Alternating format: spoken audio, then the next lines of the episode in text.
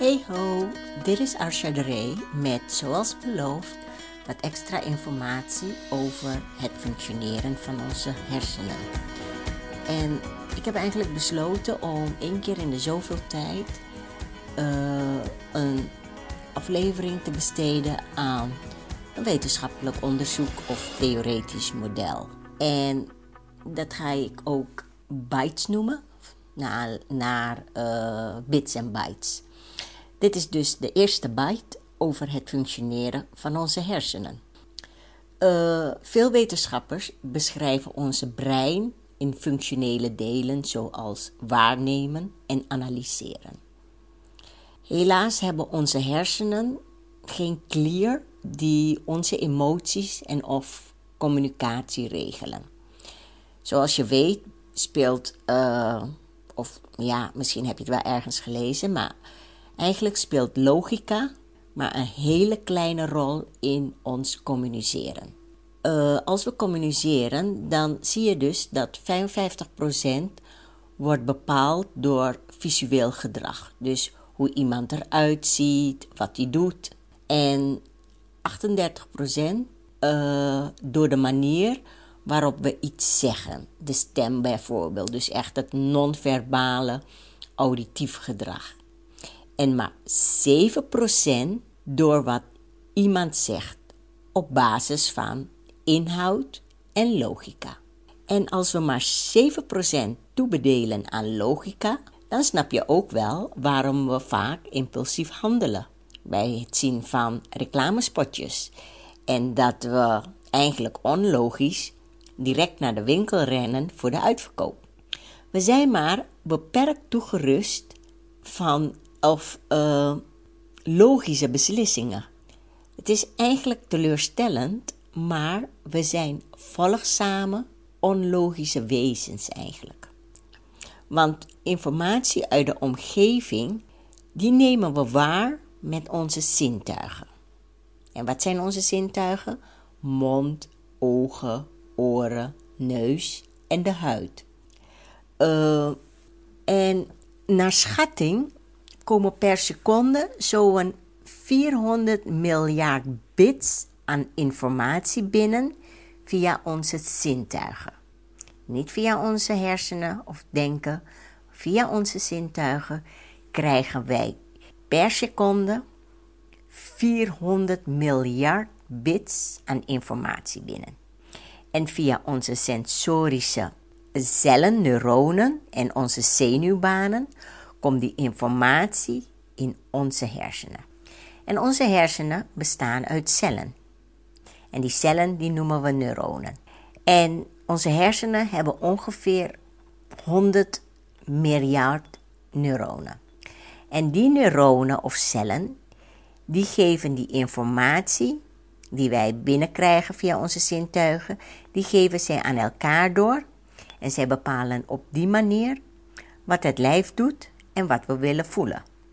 Die informatie die binnenkomt, is echter zoveel. 1 seconde 400 miljard bits. Dat is heel veel.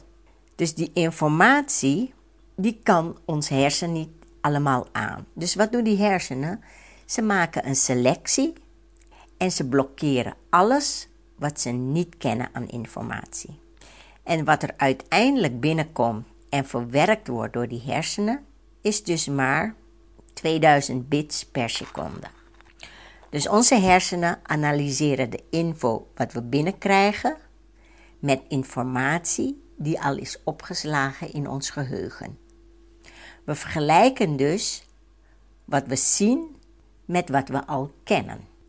En wat niet bekend is, dat zien onze hersenen niet of wordt niet waargenomen. Bijvoorbeeld we zien geen infraroodlicht. En Eskimo's, die zien bijvoorbeeld veel meer witschakeringen dan wij kennen. We zijn dus eigenlijk geneigd te geloven wat we waarnemen en wat we kennen. Maar is dat wat we waarnemen ook echt waar? Onze hersenen maken geen onderscheid tussen wat we zien en wat we ons voorstellen tussen wat we horen en wat we denken te horen. Bijvoorbeeld, als je een liedje echt hoort of alleen maar in je hoofd. Dat heb je soms wel dat je denkt van, heb ik het nou echt ergens gehoord? Of was dat ergens in mijn hoofd dat ik het hoorde? De hersenen laten namelijk dezelfde activiteit zien waardoor jij gaat twijfelen. Er is namelijk geen verschil tussen die twee of je het echt hebt gehoord of dat je het in je hoofd hebt gehoord. Vandaar dus dat je soms het idee hebt of je iets wel goed hebt gehoord of gezien. Die hersenen die draaien als het ware bij die twee verschillende uh, activiteit is het net alsof ze gewoon een cassettebandje afdraaien. En die informatie die binnenkomt, die komt terecht in onze grote hersenen, de frontaalkwab. En die frontaalkwab of uh, prefrontale cortex, die zit direct achter ons voorhoofd. En die regelt of gaat over het denken, het plannen, problemen oplossen. Dus zij gaan over, die grote hersenen, die gaan over de logica en het afwegen van argumenten. En met die prefrontale cortex slaan we informatie op, we vergelijken en we onthouden. Dat is eigenlijk wat wij ook het cognitief leren noemen. En uh, hoe en wat we leren en onthouden, dat is voor iedereen verschillend. Je kiest eigenlijk de informatie om je heen, wat bekend is bij jou en wat jij belangrijk vindt.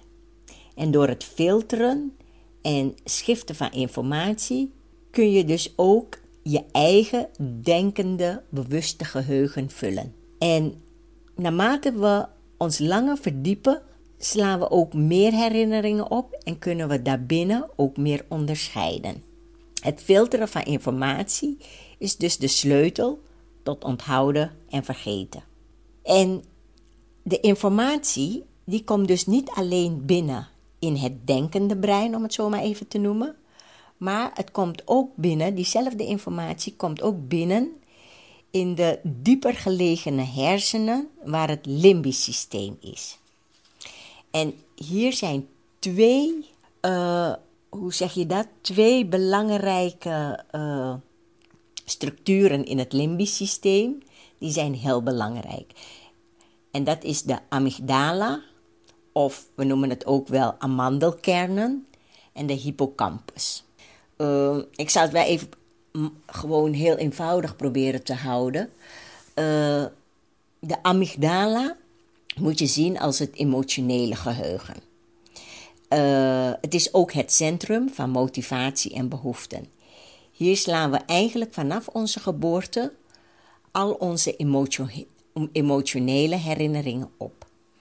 Met name vervelende, angstgerelateerde emoties.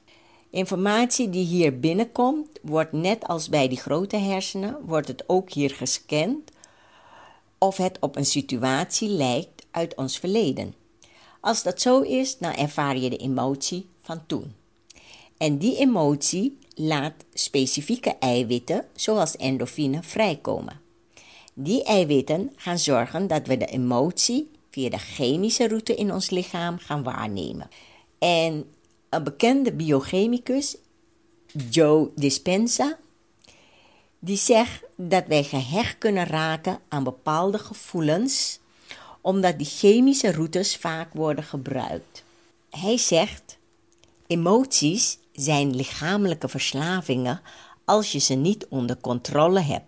En heb je ze niet onder controle, dan ben je er kennelijk verslaafd aan. Emotie is dus een fysieke ervaring. En hoe we omgaan met een situatie en ons erbij voelen, wordt dus voor een belangrijk deel bepaald door de reactie van die amandelkern, die amygdala. En een vervelende herinnering waarnemen, dan gaat die amandelkern alarm slaan. Betekent dus dat je gaat vechten, vluchten of bevriezen. En op een gegeven moment ga je stress ervaren en kun je dan ook niet meer helder denken. Het denkend brein die stopt gewoon bij stress. uh, voorbeeld is bijvoorbeeld Mike Tyson, die door kopstoten helemaal doorslaat en een stuk uit het oor bijt van zijn tegenstander. Wat ook een irrationele uh, vechtreactie bij ons kan oproepen, is angst voor schaarste. Als we iets niet kunnen krijgen, dan zullen we alles doen om het wel te krijgen. En uh, in het limbisch systeem is naast die amandelkern ook nog een andere structuur heel belangrijk en dat is de hippocampus. De hippocampus die associeert de informatie die we binnenkrijgen met prettige emoties. Want dan komt adrenaline vrij. Is een situatie bekend, dan zullen wij dus door die hippocampus ook ontspannen. En de adrenaline die vrijkomt, die laat dan de hersenen langer alert blijven en werken. Dus ontspanning versnelt dus ons denken. En uh, dus eigenlijk heb je, zijn er, als je kijkt naar ons hersenen, dan zijn er eigenlijk uh, drie gebieden. Ik noem het even het denkenbrein en het emotionele geheugen, die uit twee delen bestaat. Eén voor, laten we zeggen, uh, de vervelende, de angstige emoties. Dat is die amandelkern. En die andere, de hippocampus, dat zijn de prettige emoties. En kort samengevat, 90% van onze tijd functioneren we op de automatische piloot. We verrichten routinematige handelingen en we nemen routinematige beslissingen. Uh, zoals bijvoorbeeld autorijden, fietsen, boodschappen doen. Doen we allemaal op de automatische piloot. We zijn dus aardig volgzaam en, uh, en die, die volgzaamheid stopt als we iets of iemand niet vertrouwen, argwanend zijn of iets niet krijgen. Want dan gaan we afhaken of we blokkeren. En dat afhaken en blokkeren komt doordat er van die eiwitten loskomen, uh, zoals uh, endorfine of adrenaline. En bij stress stopt het denken dus helemaal. We gaan pas denken als we betrokken zijn. En dus ontspannen. Denken vereist dus betrokkenheid. En betrokkenheid haalt ons uit de routine. En zet ons aan tot denken. Dus wil je iemand overtuigen, dan moet je zorgen dat de persoon ontspannen is. Besteed dus veel meer aandacht aan het emotioneel geheugen dan aan het denkenbrein. Hoop dat deze bite stof geeft tot nadenken. En heb je behoefte aan even iets sterks? Check out mijn coachingpagina en bestel een van de Powerhouse programma's. Zo voor nu, cheers en tot de volgende episode.